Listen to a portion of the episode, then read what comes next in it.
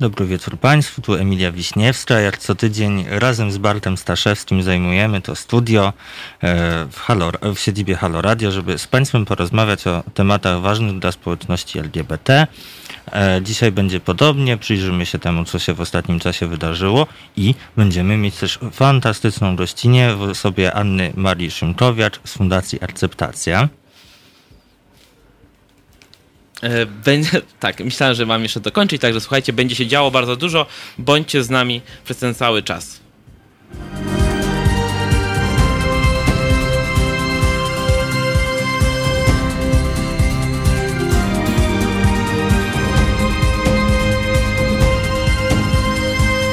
Halo Radio.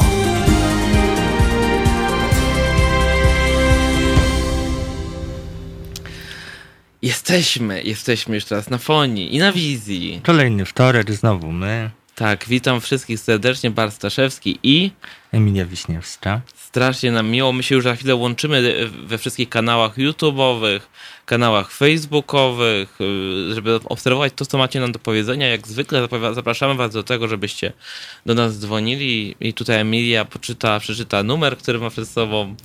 Proszę Państwa, uwaga, 22 39 059 22. To tematy proste i nieproste, łatwe i trudne. To są te wszystkie te, które poruszamy. E, a dzisiaj będziemy mieli mnóstwo rzeczy do powiedzenia, aczkolwiek rzeczywiście większość czasu zajmie nam gościni, którą będziemy gościć na naszej audycji. No na pewno tutaj teraz w pierwszej części audycji, bo to pewnie już za jakąś chwilę będziemy się e, za nią łączyć, więc za chwilę, proszę Państwa, będziemy tutaj mieć tą rozmowę, na którą ja czekam z wypiekami na twarzy. I tak sobie myślę o tym, co my możemy tutaj w tym czasie jeszcze szybko e, wrzucić, w tym, w tym szybkim czasie, że tak powiem, tych 20 minutach. Och, ja sobie też pomyślałam, że ale bym z Państwem pogadała o tą pani, o tym Trzastowskim, jak ja bym pogadała, ale tak jak sobie myślę, jak Państwo nas zbudziliście tydzień temu i jak podstępem po prostu udało się Państwu odgonić nas od tych niekończących się tematów kampanijnych, to ja nie wiem, czy, czy warto zaczynać, bo znowu nas Państwo wyprowadzicie w jakieś inne maliny, bo może nie chcecie Państwo słuchać o kampanii.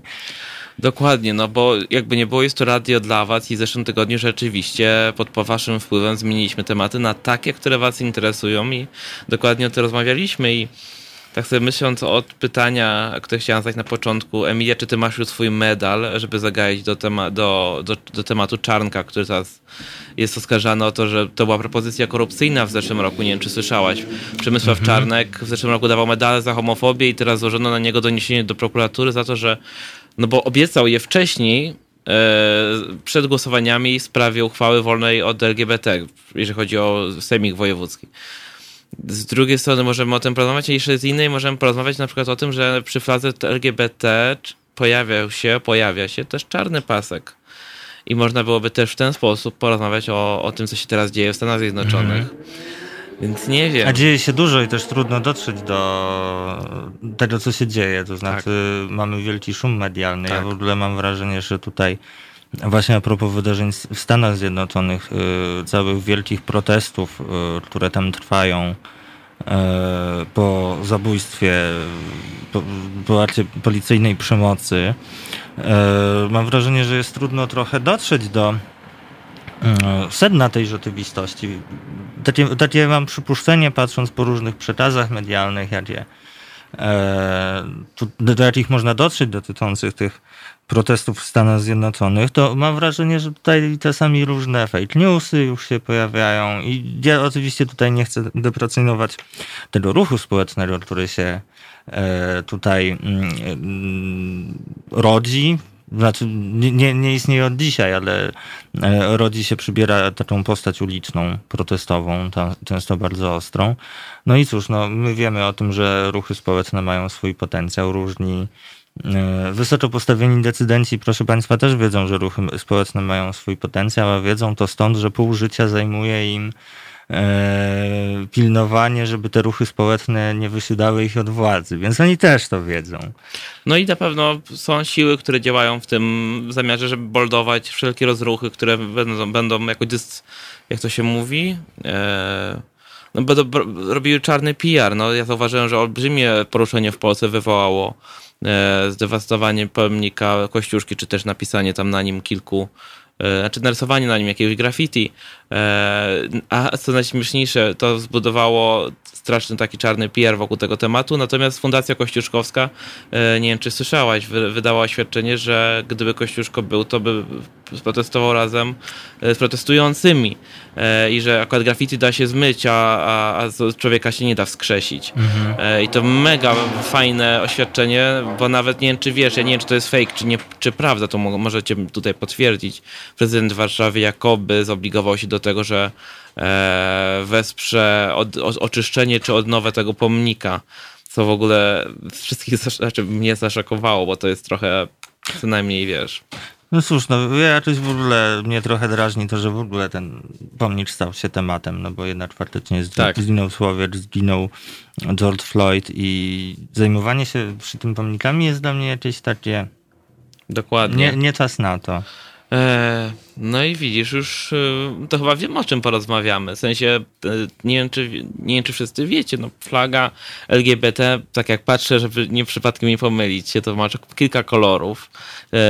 Czerwony, pomarańczowy, żółty, zielony, niebieski, fioletowy. A właśnie oryginalny twórca, oryginalny, twórca flagi miał tam swoje przesłanie przy każdym kolorze. Tutaj może Emilia teraz pomoże mi i opowie, co każdy z tych kolorów miał symbolizować. O Boże, to Dużo było tej symboliki. A w ogóle, proszę Państwa, na początku kolorów było więcej, bo było ich osiem w Naprawdę?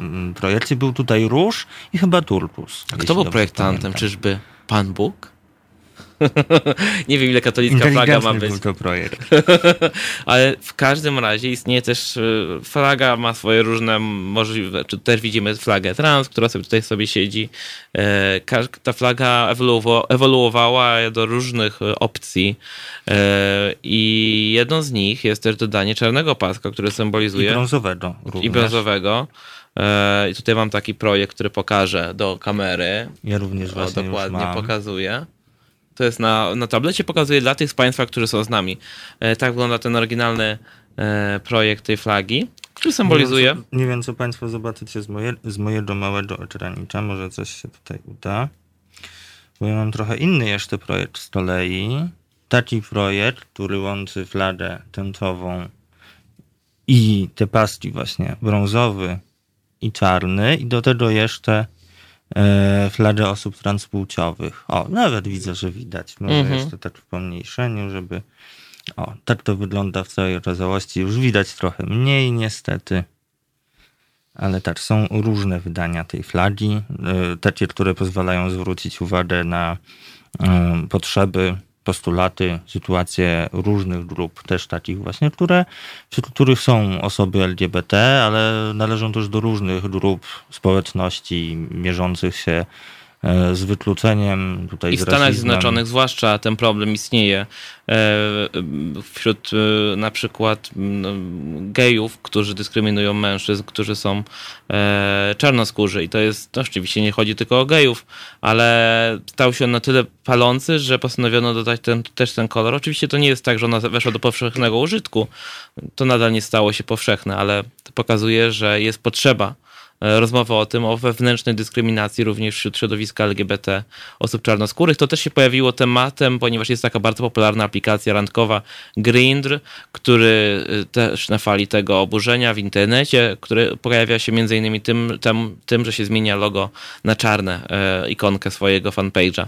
Zrobili to samo i dostali krytykę, że sami mają filtr etniczny w aplikacji, który pozwala na wyfiltrowanie osób czarnoskórych na przykład. Po, tym, po tej uwadze Y, Grindr zrezygnował z tej opcji w filtrze. Pozostają, pozostały co prawda inne, ale ten, ten został usunięty. Ale popatrz, rezygnowali z opcji w filtrze, a nie... Może na jeden dzień zobaczymy, czy to zostanie na dłużej. I to też wzbudziło z kolei kolejną dyskusję, tak? E, o tym, czy, czy trzeba, czy nie trzeba, a dlaczego, a, a i tak dalej. Więc trochę zmieni, to można byłoby zmienić z kolei temat, ale to nie o to chodzi w tym wszystkim. W każdym razie no problem istnieje i tu też na, w tym aspekcie warto o nim powiedzieć. Ja za chwilę się zaloguję też do wszystkich naszych kanałów społecznościowych, żebyśmy obserwowali, jak rośnie dyskusja. Tutaj witam, za chwilę powitamy wszystkich naszych e, słuchaczy i słuchaczki, którzy jak co tydzień z nami są. E, Emilia, czego ty tam tak szukasz? Ja też, też sobie przypominam o tym, że warto, proszę Państwa, pamiętać, ja tutaj sobie pozwolę przypomnieć, że takie początki bardziej widoczne do ruchu e, walki o prawa osób LGBT u samych tych początków były transpłciowe, czarnoskóre kobiety tam w no Nowym tak. Jorku. Ja to też wrzuciłem jako swój post, ale wiesz, to pamięć ludzi jest krótka. Pamięć ludzi w Polsce zwłaszcza to już sięga do ostatnich wyborów, a już na świecie to w ogóle. A dlatego śmiesznie było, jak wrzuciłem sobie posta na, na Facebooku przypominającego, że Stonewall to zaczął się od trans kobiet tak naprawdę i to jeszcze czarnoskóry, tak jak mówimy, mówisz. E, I warto o tym pamiętać, bo jak dzisiaj mi wyskoczył na Facebooku post jakiegoś młodego geja, którego mam gdzieś znajomych jako fana, chyba nie wiem, i on do mnie tam coś tam pisze, że dlaczego my się na tych marszach tak obnosimy musimy. I ja tak mówię, o kurczę, coś nie zadziałało. E, I próbuję mu wyjaśnić, że troszkę nie tak wyglądały początki ruchu i troszkę nie tak wygląda walka o równouprawnienie, żeby chować wszystko to, co się komuś może nie spodobać ewentualnie do szafy i żebyśmy chodzili w garniturach, w koszulach i marynarkach i żeby jakieś homo komando chodziło na marszach i paradach, które będzie krzyczało na tych, którzy wyglądają inaczej, żeby się chowali albo wyszli z tej parady, bo się do nich że znajemy. Tutaj witam wszystkich, którzy są z nami. Kwiacia tutaj rzuciła hasło. Wytłumaczcie mi, dlaczego osoby z odmienną orientacją seksualną głosują na PiS lub połowy, nie potrzeba lansu. Emilia, jak myślisz, dlaczego osoby, które głosują na PiS e, z, z odmienną orientacją to robią? E, którą, to... Będę złośliwa, którą odmienną, która to jest odmienna. E, aksjomat Homo Commando padłem, tak. Aczkolwiek istnieje coś takiego jak Homo Commando. Ostatnio Ale dostałem się należałem kiedyś nawet do takiego artykułu, który się Queer, Naprawdę? Queer, queer Commando. Queer Commando. Strasznie mi się to podoba. W sensie, nie wiem, czy powinienem się chwalić, że takie określenia mi się podobają, ale mi się podoba takie coś. E, natomiast jest, okazało się, że jeden z moich znajomych ma stronę, która jest, nazywa się Homo Commando i oni głównie ćwiczą, e, biorą udział w Run Magedonie i tak dalej. No i on jest szefem tego Homo, homo Commando brał udział w strajku przedsiębiorców. I tam się śmiałem, że wiesz, jak Homo Commando wejdzie, to już po nikim nie, po nic już nie zostanie. Um, na pewno nie małżeństwa heteroseksualne. Kwiacie dodała, że chodzi o każdą odmienną seksualną e, orientację. A też tutaj e, pyta nas Bożena Bretro, która się domyślam... Inną od większości dodam. E, być może włączyła się potem już, e, jak o tym rozmawialiśmy, o co chodzi z tymi pasami brązowym i czarnym. Otóż ten przypomnienia jeszcze raz powiemy. Te pasy na tęczowej fladze symbolizują osoby people of color. Tak to się funkcjonuje w angielskim. W polskim chyba dalej nie ma E, Kolorowi się w szkole bardzo źle kojarzy. Tak, tak, zdecydowanie. Więc yy, tutaj nie da się tłumaczyć jeden do jeden, bo tłumaczenie jeden do jeden daje... Yy, Zucie koloru brzmi Tak, daje po polskiej stronie tłumaczenia coś, co jednak ma tak, yy, nieprzyjemne konotacje. Mhm. Tutaj widzę jeszcze tak technicznie, że yy, Barbara z Podfińska zwraca nam uwagę, że mnie gorzej słychać. Mam nadzieję, że ja jakoś zaraz nam się to tylko ja, przepraszam. E, to uda e, zażegnać. Okej, okay. przepraszam, musiałem. Musiałem, bo muszę otworzyć wszystkie wasze kanały na Facebooku, na YouTubie, żeby was obserwować i tu przez chwilę był dźwięk e, słyszalny. My u nas. Tak, czyli było, słyszeliśmy się sami. E, witamy Leszka, witamy Beatę, witamy Małgorzatę, witamy jak zwykle Wenus, która jak zwykle jest z nami. E, Adriana Jasińskiego, który też nam towarzyszy, Aksjomat i wszystkich tych, którzy tam są i nas słuchają. E, I co tam jeszcze? Kwiacia do, dobija się do nas, jeżeli chodzi o to pytanie dotyczące głosowania na PiS. Wydaje mi się, że tak samo jak e, no, no geje, lesbijki, osoby LGBT nie stanowią pewnej koherentnej całości, która ma swojego rzecznika i prezesa na, na szczycie i która ma jakiś wewnętrzny regulamin na kogo głosować i są friki, które głosują na nacjonalistów w pokroju Konfederacji, myśląc, że pewnie to im coś da. E, są ludzie, którzy po prostu głosują na PiS y, i inne partie, bo mają w życiu może inne priorytety, mimo że wydawałoby się, że to jest naturalnym, że każdy chce z nas żyć w jakiej wolności, i bezpieczeństwie, a raczej partie takie jak PiS i Konfederacja tego nie gwarantują. No ale znowu nie będę wnikał dlaczego, ale ludzie tak po prostu głosują. E... No też ludzie nie są jednowymiarowi. To, że się jest osobą LGBT, to nie znaczy, że nie jest się mm, przedsiębiorcą. Dokładnie. Szukałam, szukałam, także, znalazłam. Także są y, ludzie różni. Oczywiście y, tutaj trzeba, można, ja nie chcę robić tutaj żadnej analizy ludzi, których, e, dlaczego ludzie głosują na PiS. Ja sam wiem, e, jakie ja etapy w życiu przechodziłem, będąc bardzo, e, mając zapędy nacjonalistyczne, konserwatywne w wieku nastoletnim, później mi to przeszło, bo z niektórych rzeczy po prostu się wyrasta. I dzisiaj widziałem taki post na Facebooku, na jednym z, fo, z grup facebookowych, duży, coś takiego jak LGBT Polska, takie grupy istnieją na Facebooku. I tam młody chłopak zapytał się, e, czy znacie osoby, które były nacjonalistami, ale im się zmieniło w drugą stronę. I, i tam jest około 150-200 komentarzy osób, które są w podobnym młodym wieku, tam około 17, 18, 19 lat, które piszą, że no, byłem konserwą, nacjonalistą, ale wyrosłem z tego, jestem gejem. W sensie przyznają się przed sobą, mhm. że mieli, mieli ten etap i w ogóle zaszokowany byłem ilością tego typu wyrzeczeń, znaczy tego, ilością tego typu e, sto, e, historii ludzi, gdzie właściwie wydawało się, że powiedzą, duża osób, część osób powie po prostu, że była konserwatywna i potem się jej odmieniło. A tutaj wiele osób mówiło, tak, jestem e, gejem, jestem lesbijką, jestem osobą LGBT, i przez lata byłam konser e, konserwą na przykład. A ja widzę właśnie tutaj, że mamy idealny kawałek idealna muzyka będzie ilustracją naszej rozmowy. Mm, proszę Państwa, to, to przypominam Państwu, żebyście nam Państwo nie uciekali, jak nie będziecie nic słyszeć przez najbliższe kilka minut. Jeśli słuchacie nas e, Państwo przez YouTube albo Facebooka, to niestety nie będziecie mieć Państwo przyjemności słuchania tej muzyki z nami, ale wrócimy do Państwa za kilka minut. E, no i przypominam też o tym, że można e, nas tutaj w Halo Radio, całe Halo Radio, a co za tym idzie naszą audycję, wspierać, na przykład e, ustawiając stałe wpłaty na rzecz Halo Radia. A tymczasem na kilka minut zostawiam Państwa z kawałkiem, jak już rzekłam, bardzo akuratnym w tym momencie. Jesus, He Knows Me. Halo Radio.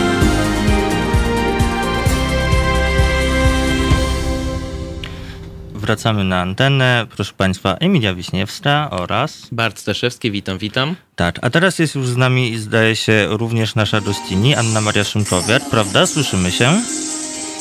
Tak, tak, jestem. Dobrze, chyba jeszcze trochę... Wiesz, może jakbyś ciszyła, Aniu, e, radio, które tam gra, to będzie łatwiej nam rozmawiać, bo wtedy to słyszymy taki pogłos siebie jeszcze i pięć razy siebie. Tak, i, i na, to trochę utrudnia. O, super, o, dzięki. jest teraz. Dzięki. E, więc proszę Państwa, tytułem przedstawienia naszą gościnią dzisiaj jest e, Anna Maria Szymczowiak, transpłciowa kobieta, prezeska i fundatorka Fundacji Akceptacja. Aktywistka, która wspiera osoby zagrożone społecznym wykluczeniem. I Aniu, może od tego chciałam zacząć naszą rozmowę, bo też ten czas ostatni, nawet po tym, co widziałam sama na e, Facebooku, był bardzo gorący, prawda? I ty, i akceptacja cała, e, wasza działalność była bardzo skupiona w, w ostatnich powiedzmy, że dwóch miesiącach e, na wspieraniu osób zagrożonych już nie tylko wykluczeniem społecznym, ale też y, panującą epidemią, prawda?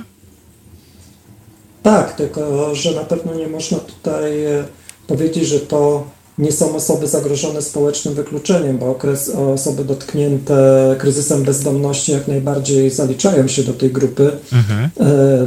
I my praktycznie przez e, już prawie trzy miesiące e, praktycznie cały czas e, działamy na rzecz tych osób, wspierając ich medycznie, ale też starając się zapobiec roz, temu, żeby wśród ich społecznościach nie, wybuchły, e, nie wybuchła po prostu pandemia, żeby mieli wiedzę, żebyśmy też e, my mieli e, jasną sytuację, jak u nich wygląda.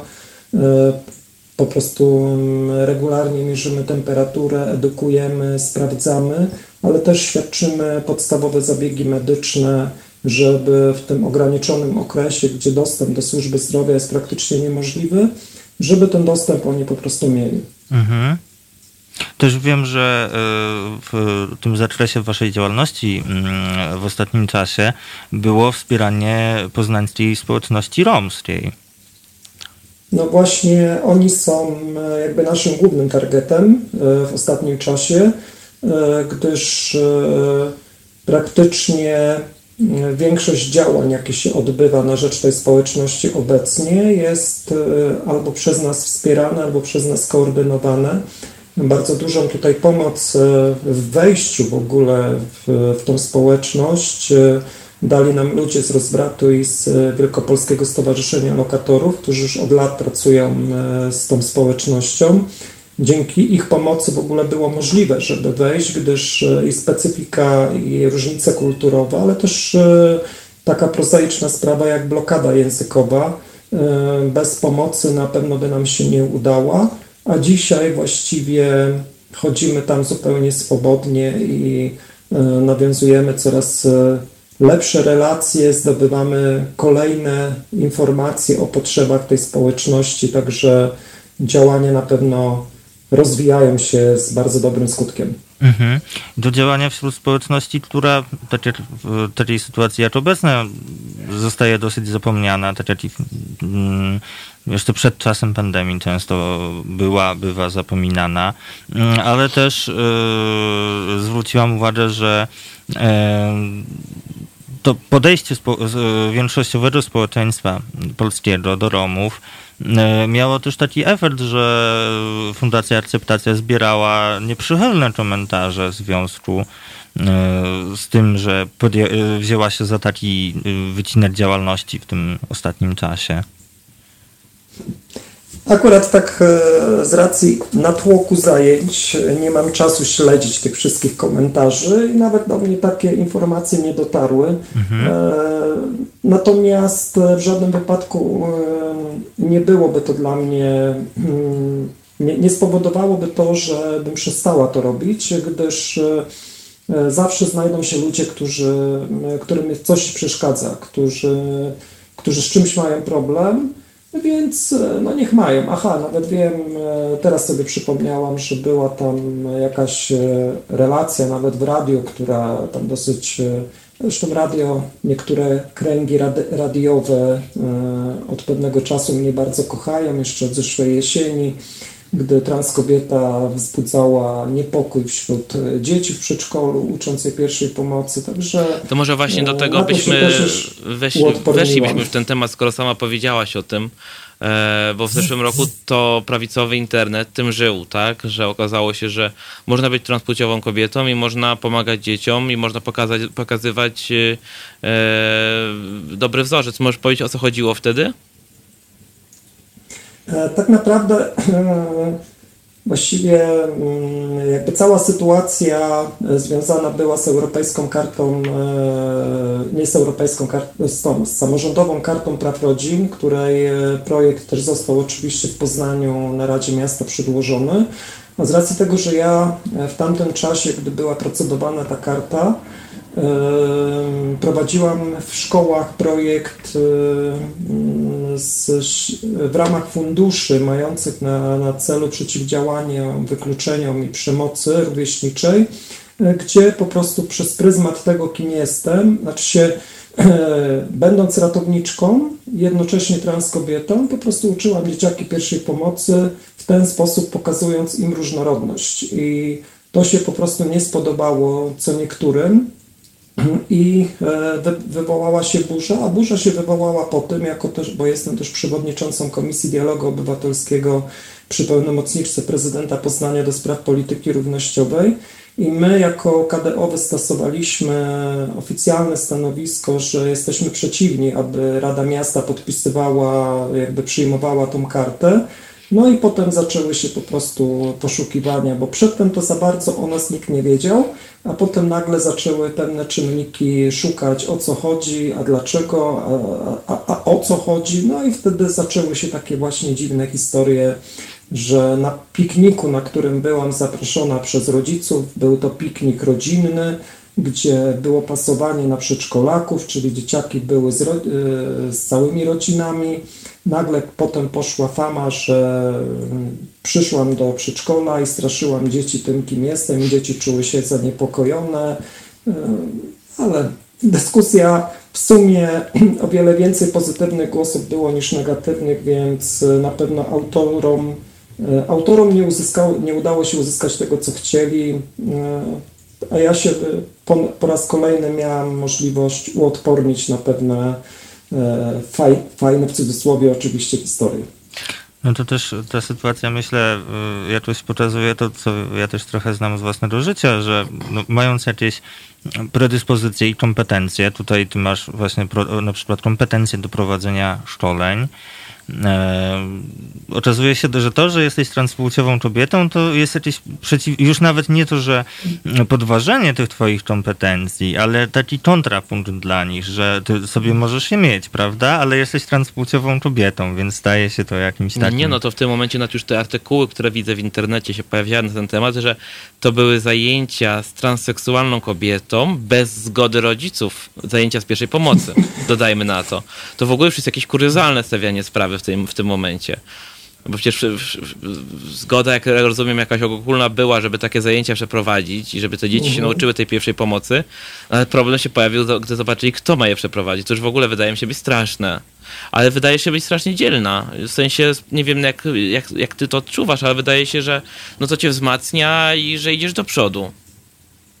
Dokładnie. E, tam w ogóle było było śmiesznie, bo y, ci, y, ta zgoda była.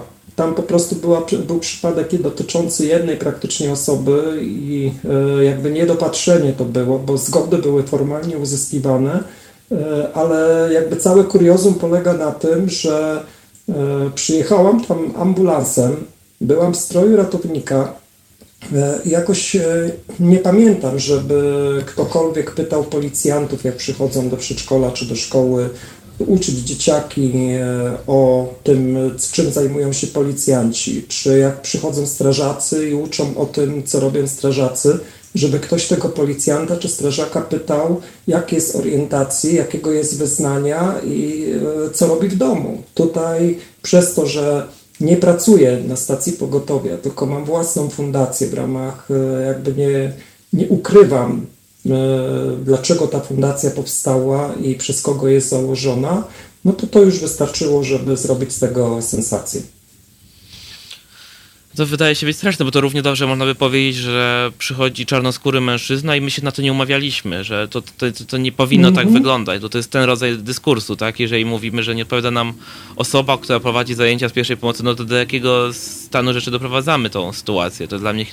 Ale jest to XXI wiek, jest to Polska, jest to Poznań, tak? No ja się tak. też, do, też domyślam, Maniu, że ty nie wynalazłaś żadnej alternatywnej e, pierwszej pomocy, tylko u, u, szkolisz zgodnie zgodnie z regułami sztuki, nie, nie, nie, no i tak, że nie ma jakiejś specjalnej transpłciowej pierwszej pomocy. No, nie, nie ma. Jestem ratownikiem kwalifikowanej pierwszej pomocy. Ukończyłam państwowy kurs, e, zakończony egzaminem. E, jestem międzynarodową instruktorką pierwszej pomocy, certyfikowaną. Fundacja też ma akredytację w tym systemie nauczania, więc e, nie. nie wymyślałam żadnej jakiejś nowej, nowego sposobu, tra, transowego sposobu na naukę pierwszej pomocy. A czy widziała, jak, jak wyglądała, tak jeszcze drążąc ten temat, wyglądała wasza praca w czasie koronawirusa, tego kiedy rzeczywiście wszyscy byli tym przerażeni? Teraz już wiadomo, że trochę się zmieniło i ludzie podchodzą do tego coraz bardziej, e, mniej poważnie i nie traktują tego, tej pandemii, która nadal jest, e, jak, jak, jak coś, co, co jest, istnieje. istnieje. Jak wtedy e, wyglądała Wasza praca, jeżeli byś mogła powiedzieć? No, nasza praca mm, na początku nie wiedziałam. Myślałam, że też będziemy w jakimś stopniu zawieszeni, chociaż jako podmiot ratowniczy cały czas miałam świadomość, że prędzej czy później możemy być wezwani po prostu do różnych działań i to stało się dosyć szybko. Dostaliśmy właśnie zlecenie na to, żeby E, objąć monitoringiem społeczność romską. Musieliśmy wtedy wprowadzić oczywiście procedury ratownicze e, z pełnymi strojami ochronnymi. E, to też nam się przydało, bo dzięki temu nasza fundacja w temacie ratowniczym uzyskała jakby kompetencje w, w tematach, których przedtem praktycznie w ogóle się nie zajmowaliśmy, czyli jak działać w ekstremalnych warunkach, w sytuacjach kryzysowych, które na pewno nam dużo pomogły. E, potem, widząc e, potrzeby, jakie mm, e, zaczęli nam ludzie, jak zaczyna, coraz więcej zaufania do nas nabierali, zaczęli nam zgłaszać, a mając też potencjał, mając własny ambulans, mając wyposażenie lekarskie i, i personel, który jest kompetentny, żeby wykonywać różne działania ratownicze i medyczne, E, zaczęliśmy po prostu oferować taką pomoc i zaczęliśmy odpowiadać na taką pomoc i zaczęliśmy prowadzić badania w oparciu o nasz ambulans. Jeździliśmy ambulansem i nadal jeździmy e, w miejsca, w których e, trudno jest o inne warunki poza naszymi, naszym ambulansem, żeby jakieś zabiegi medyczne robić. Zaczęliśmy w sumie od tych naj, nam bardziej nam wydających się potrzebnych, czyli pediatrycznych zajęcia, gdzie E, w tej społeczności romskiej e, jest kilka kobiet, e, które dopiero co urodziły dzieci i w tym pierwszym okresie były praktycznie pozbawione pomocy pielęgniarskiej, pomocy położniczej w związku właśnie z ograniczeniami pandemicznymi i myśmy to praktycznie przejęli i Mamy dzisiaj już za sobą kilka takich serii badań, co też nas bardzo cieszy. Te dzieciaczki się świetnie rozwijają, E, także my praktycznie jakby w zakresie takich e, i badań profilaktycznych i właśnie takich badań ogólnolekarskich, gdzieś jakieś też zaopatrywanie ran, to praktycznie robimy i nie tylko na rzecz społeczności romskiej, ale też teraz już od pewnego czasu aktywnie e, wspieramy w ten sam sposób hostele dla bezdomnych prowadzone przez Markot i Pogotowie Społeczne w Poznaniu. Mhm. Słyszę, że to jest y, ta działalność akceptacji wasza nabrała takiego rozpędu i bardzo się mm, rozszerzyła e, w tym ostatnim czasie w odpowiedzi na tą epidemię, z którą wszyscy musimy się jakoś mierzyć. A też chciałem Cię jeszcze zagadnąć akceptację pod trochę innym kątem, bo jest to organizacja pozarządowa dosyć specyficzna. Tutaj tak powiedzieliśmy o jednej, mówiąc kolokwialnie, nóżce działalności akceptacji, ale akceptacja też e, jest e, organizacją działającą na rzecz osób LGBT, zwłaszcza osób transpłciowych, prawda? Tak, tak, oczywiście. E, ostatni czas po prostu wymusił na nas jakby skupienie się na tych działaniach, które są nam tutaj które po prostu dają nam też chleb. Nie? Tutaj też nie ukrywam tego, że my też na to dostajemy po prostu pieniądze i e, są te działania e, finansowane przez Urząd Miasta. Mamy też darczyńców, którzy nas wspierają właśnie w tych działaniach, więc one po prostu e, są realizowane. Temat transpłciowości jest obecny chociażby przez to, że ja w tych działaniach cały czas jestem aktywna i ten temat się też pojawia, e, chociażby na koczowisku romskim już właściwie wszyscy wiedzą, kim jestem, bo ja się przed nimi wyautowałam i wiele na ten temat rozmawialiśmy. I Jaka była tych osób tyle... reakcja? E, reakcja, bardziej ja się obawiałem reakcji mhm. niż e, zaskoczyła mnie ich reakcja, gdyż sama miałam negatywne doświadczenia ze osobami pochodzenia romskiego w kontaktach ze mną, ale to nie tu w Poznaniu, tylko jeszcze w e, moim epizodzie warszawskim, jak kilka lat temu mieszkałem przez pół roku w Warszawie i zaczynałam e, wchodzić jakby e, publicznie prezentować się jako kobieta i wtedy miałam kilka przykrych epizodów właśnie z osobami pochodzenia romskiego i gdzieś to mocno we mnie się działo i miałam takie dosyć duże obawy, jak oni na mnie zareagują. Mhm. Ale jak już przyszedł ten moment, że wyczułam, że mogę im powiedzieć, to bardzo fajnie zareagowali, bardzo otwarcie. Zresztą e, nie wiem jak w innych społecznościach, ale ta nasza poznańska społeczność jest bardzo otwarta i bardzo bezpośrednia. Nie boją się zadawać pytań, nie boją się wchodzić od razu w bardzo intymne tematy. Dla nich e, nie ma pytań tabu, mhm. E, nie mają żadnych oporów i jak zobaczyli, że ja fajnie odpowiadam, że się z tym nie krępuję, to się bardzo fajna jakby relacja wytworzyła, do tego stopnia, że sami mi powiedzieli o tym, e, że mają, e, że mieli styczność z interpłciowym dzieckiem znaczy ja im wytłumaczyłam, że to jest interpłciowe dziecko, bo oni po prostu myśleli, jakby skojarzyli po mnie, że to jest dziecko podobne do mnie. A jak trochę mi więcej opowiedzieli o tym dziecku, to wtedy się zorientowałam, że jest to dziecko interpłciowe. Także e, też taki ciekawy element e, jakby tej, tego, co robię i w jaki sposób to prezentuję.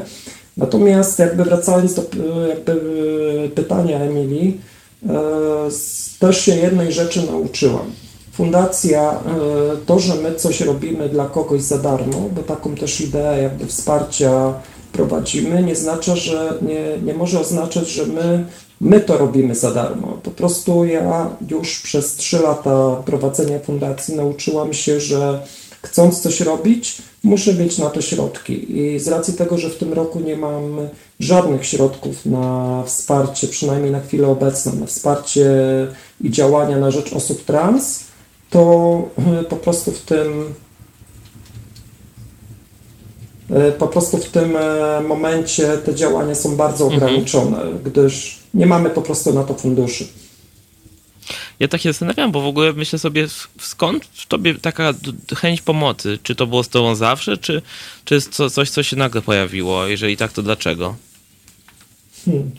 Nawet się nad tym nie zastanawiałam za dużo. Myślę, że mm, duże znaczenie ma tutaj to, mm, w jaki sposób e, wyglądało moje odkrywanie siebie i w jaki sposób wtedy od wielu ludzi dostałam silne wsparcie. I były to osoby z różnych środowisk, które, dzięki którym ja dzisiaj jestem tutaj, gdzie jestem. I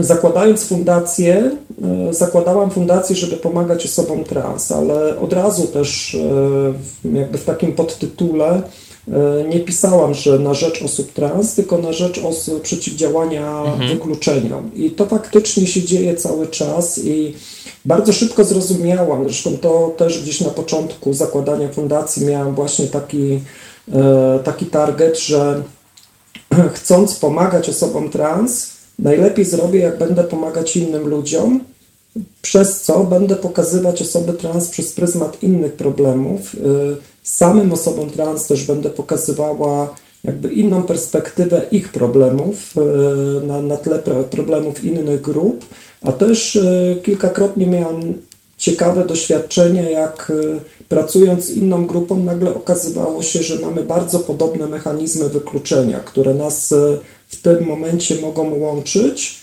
i być platformą do porozumienia i budowania wspólnego frontu przeciwko e, tym, tym którzy nas atakują. I na przykład e, e, nasza fundacja dzisiaj, ja jestem jedyną osobą trans w tej fundacji. Zespół nasz to jest około 20 osób, którzy współpracują z fundacją w mniejszym lub większym stopniu.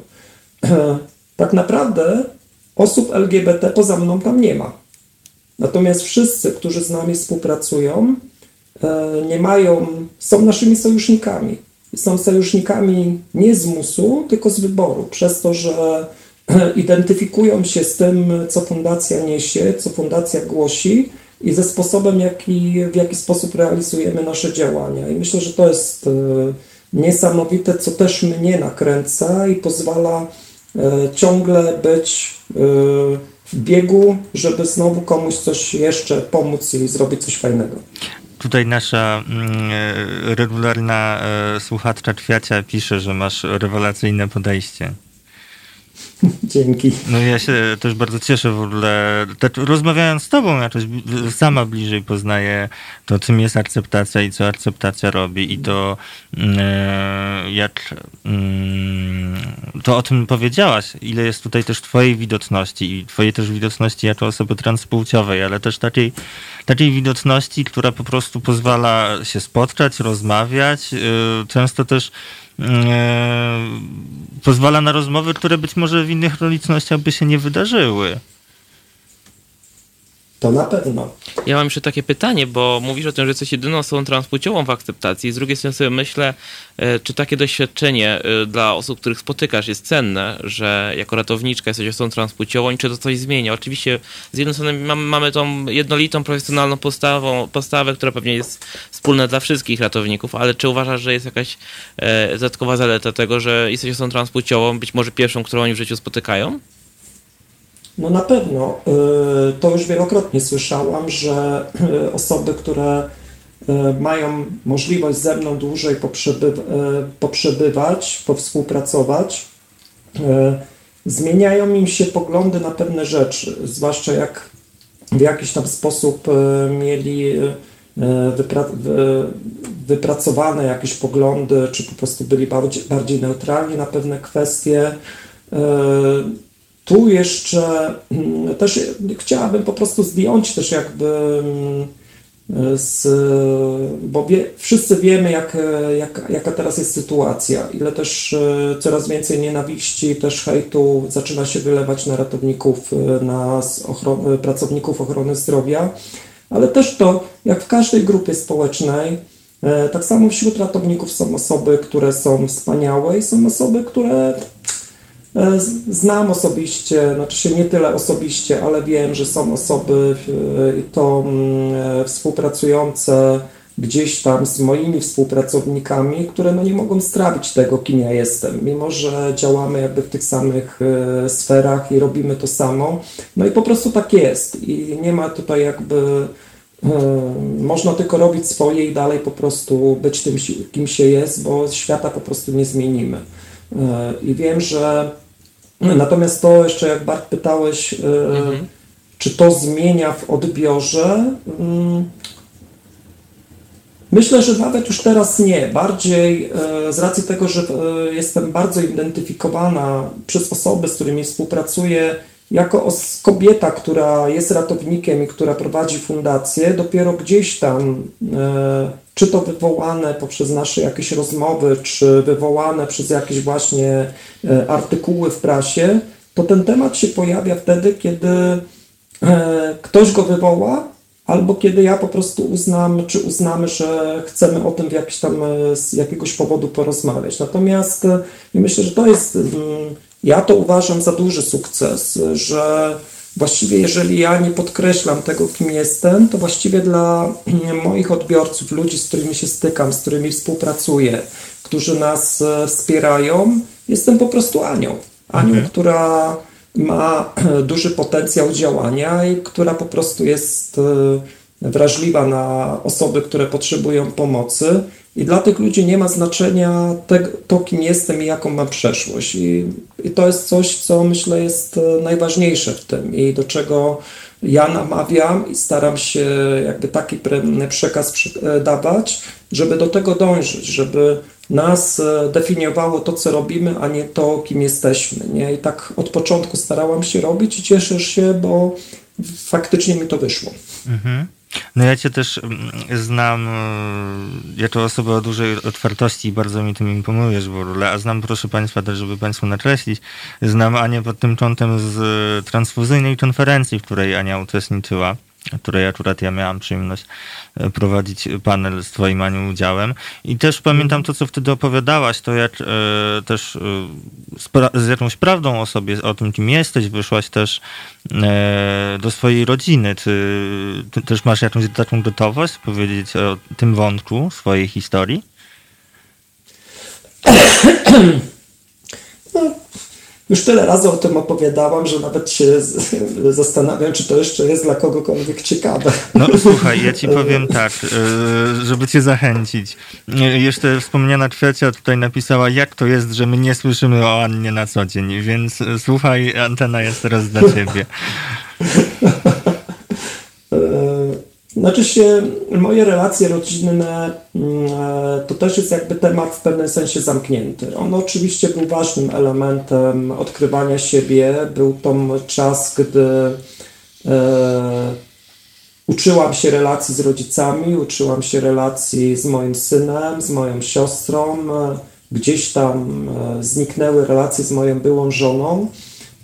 Miało to okresy oczywiście, zawsze pokazuję, jakbyśmy byli teraz na, na żywo, że znaczy się, że jakbym był też mój obraz, to by moja ręka taką sinusoidę zrobiła, bo tak to zazwyczaj pokazuje, że raz do góry, raz na dół, ale mm, jakby relacje moje rodzinne zawsze gdzieś tam zmierzały do jakiegoś dobrego, do, do, dobrego, w dobrym kierunku. I na dzień dzisiejszy z mam, on jest dorosły, ma 28 lat, e, żyje swoim życiem, więc po prostu jak jest jakaś potrzeba, mamy coś e, do załatwienia, to się spotykamy, rozmawiamy normalnie, jest ok.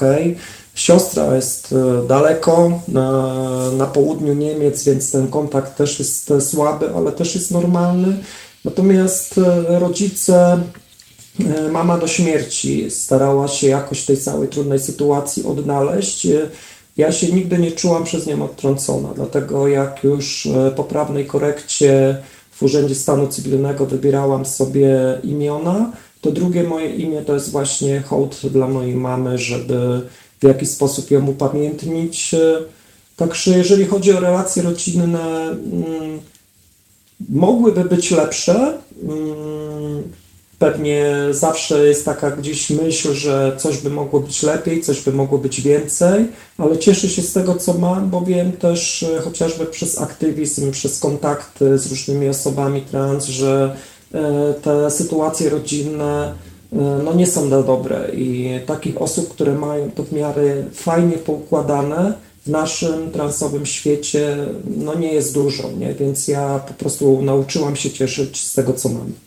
No ja też sobie myślę w tym miejscu, słuchając tego, co mówisz, że mm, to, że potrafi, masz w swojej historii pozytywy, o których możesz tutaj powiedzieć, to też jest ważne dla mm, osób, które mają swoje rodziny jakieś kompletnie nieakceptujące. E, nawet jeśli na co dzień muszą się mierzyć z tą swoją historią, to e, jakąś wielką wartością jest dla nich zobaczyć, że może być inaczej. Ja też to trochę mówię no tutaj może prywatnie, bo sa, sama do jakiegoś elementarnego porozumienia ze swoją rodziną dochodziłam bardzo długo i trochę czasem mam wrażenie jakichś straconych lat życia na, e, straconych na mm, ciągnięciu się za, za włosy metaforycznym. Więc myślę, że to, o czym opowiadasz, to też jest ważne także dla tych osób, które, tak powiedzmy, oczywiście nie chodzi o wartościowanie wielkim skrótem myślowym, dla tych osób, które jakoś mają gorzej albo czują, że nie może być im lepiej i że są jakoś bardzo mocno uwięzione właśnie w takiej sytuacji, kiedy nie mogą liczyć na poprawę relacji ze swoją rodziną. Myślę, że to jest bardzo ważne. Znaczy się na pewno tutaj warto podkreślić, e, że takie rzeczy nie dzieją się na stryknięcie palcami, że to jest proces, proces, który nieraz będzie trwał e, wiele lat albo będzie trwał do końca życia i e, osób, z którymi w jakiś tam sposób próbujemy tą relację zbudować,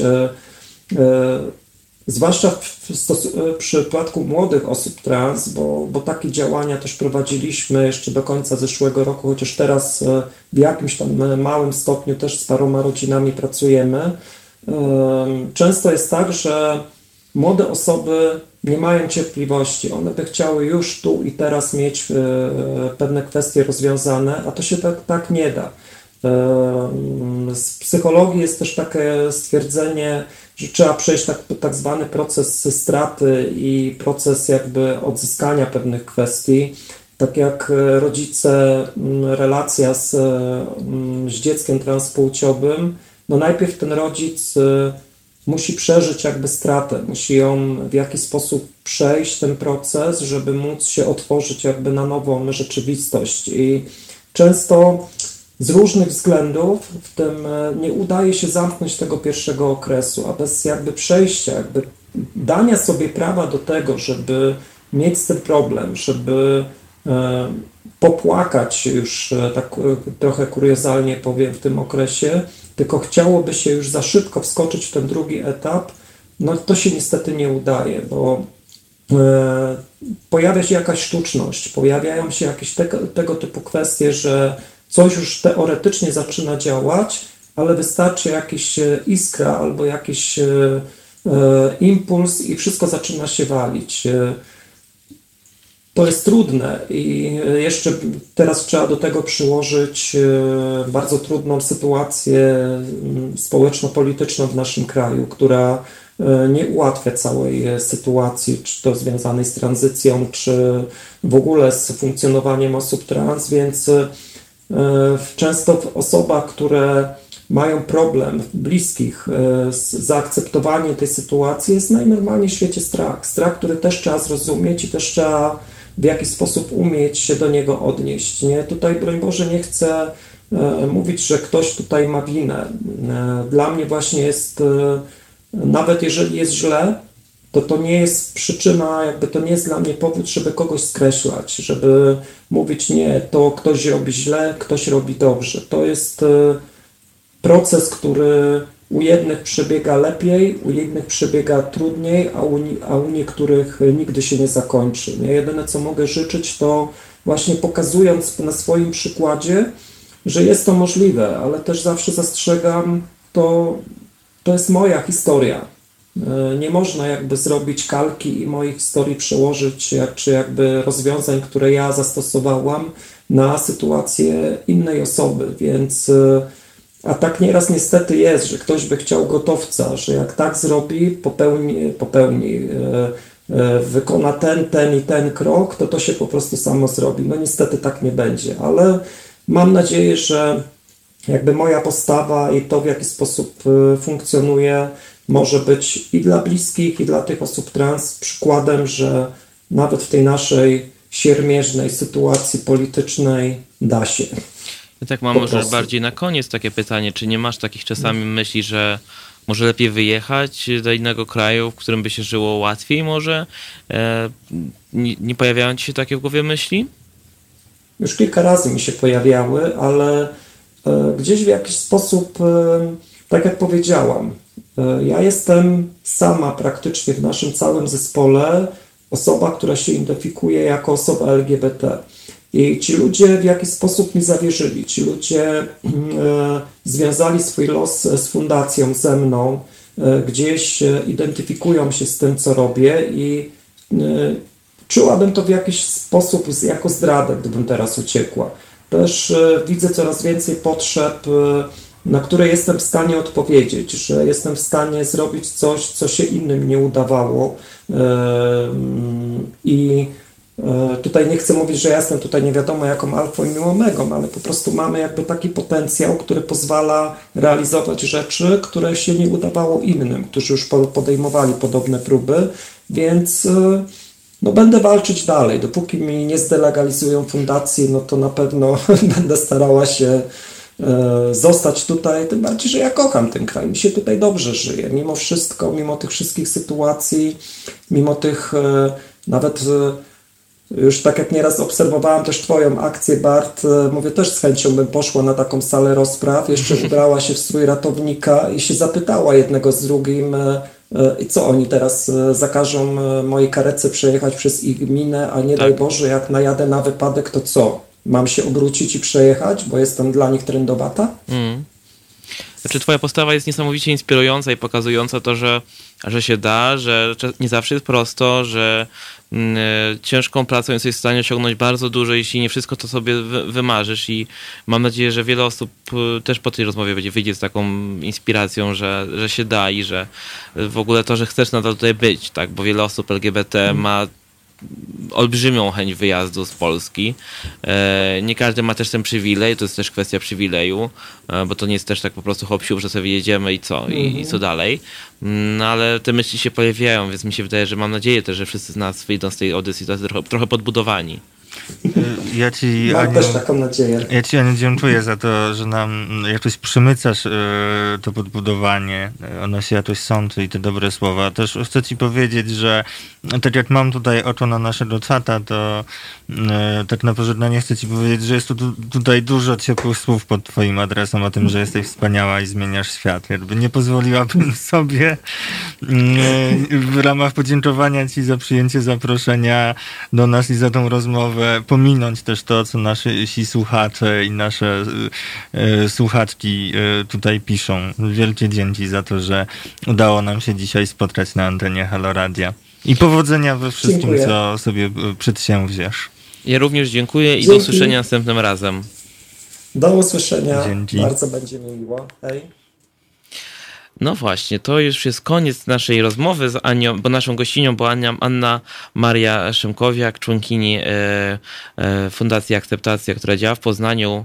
E, fantastyczna historia kobiety, która jest sanitariuszką, tak się mówi? Mm, ratowniczką. Ratowniczką. Ratowniczką i która robi mnóstwo fajnych rzeczy i pomaga osobom w wykluczeniach, z wykluczeń, wy, którzy są z grup wykluczonych. E, I co? I teraz zróbmy przerwę może na to. Tak, tak, damy Państwu y, pocieszyć się muzyką. Ja przyznam, że dla mnie ten, ta rozmowa była jakaś też bardzo emocjonalna. Prawda? Tak, tak, też potrzebuję tej muzyki i tej chwili przerwy, więc proszę Państwa, zostawiam państwa, zostawimy Państwa teraz z kawałkiem Björk, Venus as a Boy i słyszymy się za kilka minut.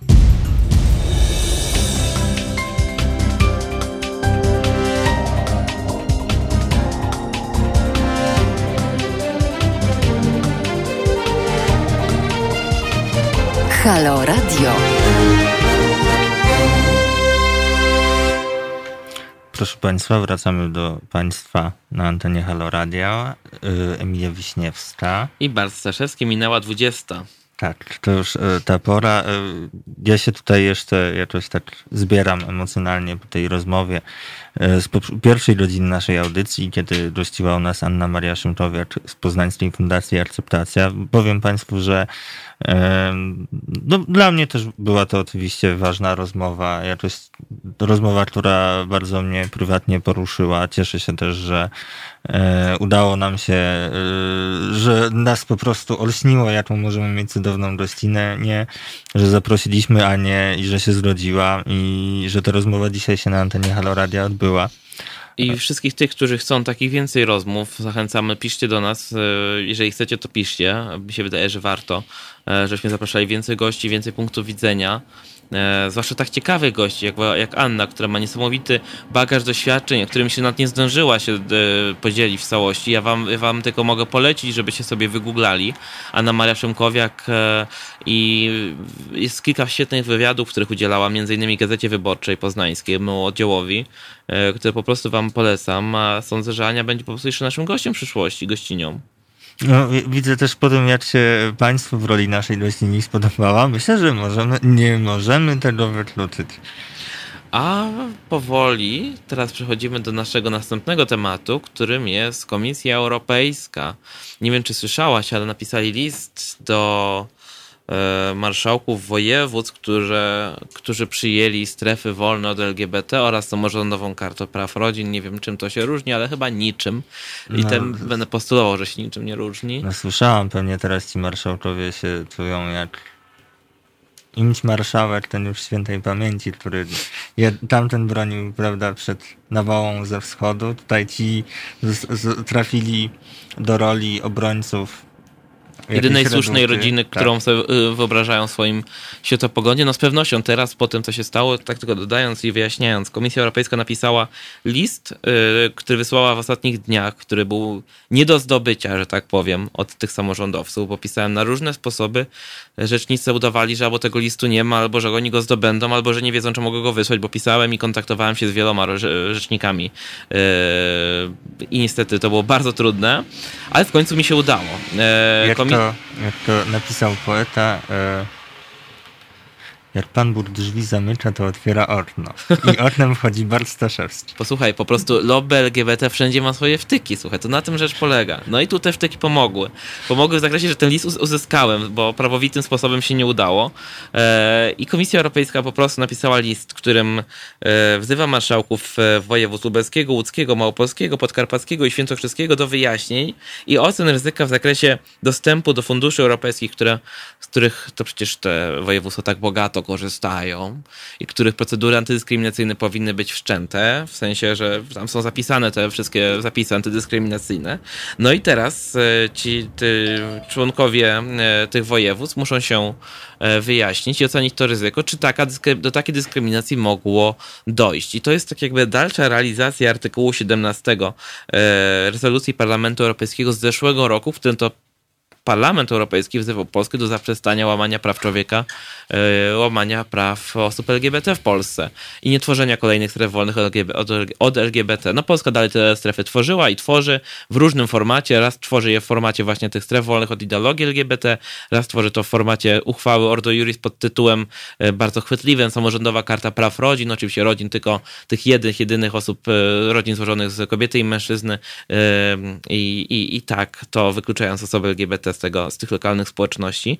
E, co się może wydarzyć? E, ten list może być o tyle przełomowy, że zanim mogą pójść dalsze restrykcje, to jest taka trochę miękka miękkie działanie Unii Europejskiej, Komisji Europejskiej, która na razie wzywa i prosi o wyjaśnienia. Kolejnym może być problem z funduszami europejskimi, e, więc zobaczymy, jak to się dalej potoczy. Na razie to samorządowcy muszą się wyjaśnić i oni oczywiście będą mówić, jak oni to chcą bronić w ten sposób rodziny przed ideologią złomi i tak dalej. To wszyscy się tego spodziewają, komisja też się tego spodziewa i na pewno już szykuje kolejne restrykcje, e, bo no, no niestety Komisja Europejska chce pokazać, pokazać, że na homofobię i dyskryminację nie ma miejsca jeżeli będzie musiała uderzyć po kieszeni, to po prostu to zrobi. Szkoda tylko, że zwykli mieszkańcy i mieszkanki na tym ucierpią, bo jacyś bezmyślni politycy takie coś wymyślają. No, my też mamy taki moment, yy, patrząc na szerszą politykę, skończył się już yy, czas bardzo krótki właściwie nieobecności Unii. Unia wróciła, tak jak też tutaj już rozmawialiśmy Chyba pewną nadzieją naszych miłościwie nam panujących było to, że Unia się już tak zapomni o sobie i nie wróci i będą mogli się tutaj rozhasać.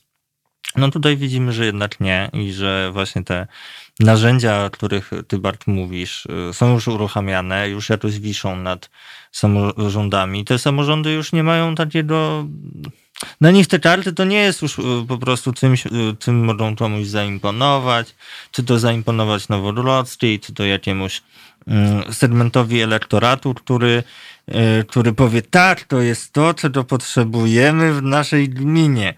To już jest też coś, co staje się problemem w relacjach międzynarodowych.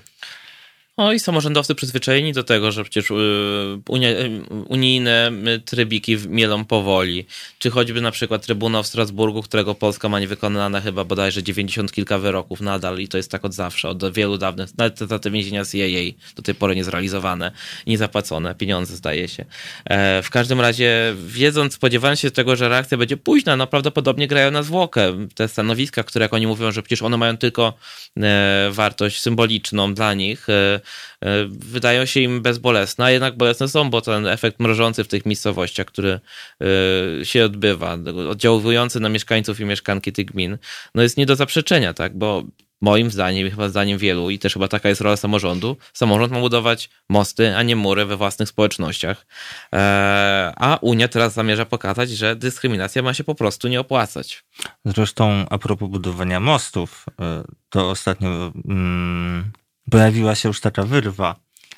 E, w, co, coś się zatarło w tej machinie kolejnych e, deklaracji stref wolnych. Proszę Państwa, e, pierwsze zatarcie miało miejsce w Siedlcach. Tak, to prawda. Mm, gdzie radna i to radna Prawa i Sprawiedliwości przy głosowaniu nad samorządową kartą praw rodzin właśnie E, to, to głosowanie mm, skończyło się odrzuceniem karty, a to za sprawą jednej z radnych e, praw, e, Prawa i Sprawiedliwości, Iwony Orzełowskiej, która stwierdziła, że nie może głosować za uchwałą, która może skrzywdzić chociaż jedną osobę. I potem w jakimś rozwinięciu tego swojego stanowiska odwołała się wprawdzie do katechizmu, do jakichś takich jego fragmentów, które no, nie są jakoś bardzo mm, przyjemne i akceptujące dla osób LGBT. Tacie sobie znalazła mm, jakieś uzasadnienie swojego stanowiska, więc nie takie, które by nas jakoś bardzo satysfakcjonowało. No nie wiem, czy możemy przeczytać fragment tego, co powiedziała pani Iwona Orzełowska. Otóż powiedziała na początku, jestem katoliczką. Od tego zaczęła swoją wypowiedź. Dla mnie wyznacznikiem jest katechizm Kościoła katolickiego.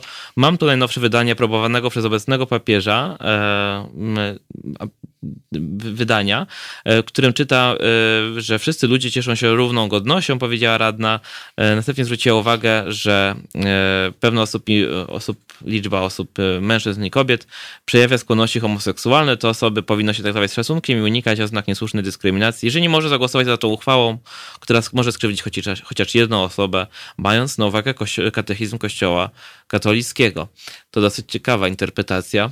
E, na pewno nawet jak na osoby, które są w ramach Kościoła katolickiego. No nieważne, ważne, że się udało i że w słusznym celu e, pani radna za tą ustawą, za tą uchwałą czy stanowiskiem, bo one przybierają różne formy, nie zagłosowała i dzięki temu jej nie mamy tej uchwały też kojarzę, że e, po tym, e, po tym głosowaniu dostała wiele, dotarło do niej wiele głosów od osób LGBT, które gdzieś tam jej dziękowały za to. Ja też może bym się nie czuła na dziękowanie, chociaż powiem Państwu i Tobie bardzo miałam ochotę tak naprawdę też wystrować jakiegoś dwuletniego maila, E, może właśnie nie w to nie podziękowania, bo trudno byłoby mi jednak za to dziękować. Natomiast mm, wskazania jakichś rzeczy, które są dla mnie ważne, ale też kojarzę, że e, z drugiej strony e, radna się spotkała z negatywnymi reakcjami ze strony swoich kolegów partyjnych.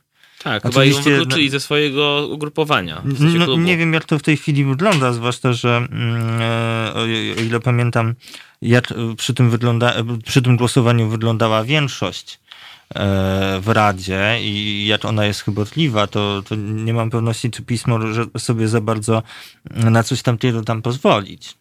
Ale też nie dotarłam do, do, takiej informacji, czy już. Ja też miałem taki moment, że pomyślałem sobie, że może warto do niej napisać, i potem pomyślałem sobie w sumie, może tak, a może nie, bo z drugiej strony myślę, no czy za bycie przyzwoitym teraz za każdemu trzeba wysyłać maila z podziękowaniami? No chyba każdy w sumieniu sobie powinien to no tutaj jakby nie było przeliczyć, powiedzieć sobie, że chyba robię dobrze i tyle.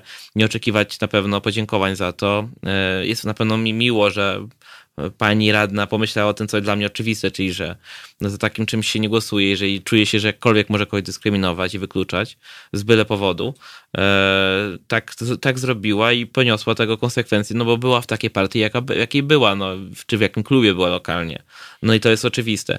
Cieszy taka sytuacja, że taka się dzieje. Mam nadzieję, że będzie ich więcej. Wiem, że są wśród tych samorządowców, którzy są tak źli bardzo często. Są też takie e, dobre rodzynki. No w Lublinie też mamy takich samorządowców jak Bożena Lisowska, czy pan Kom, Kom, Kom, Komorowski, zdaje się. Nie mogę nigdy sobie przypomnieć, jak ich nazywa. Na pewno nie Komorowski. Jest to niezależny poseł, który też tam działa.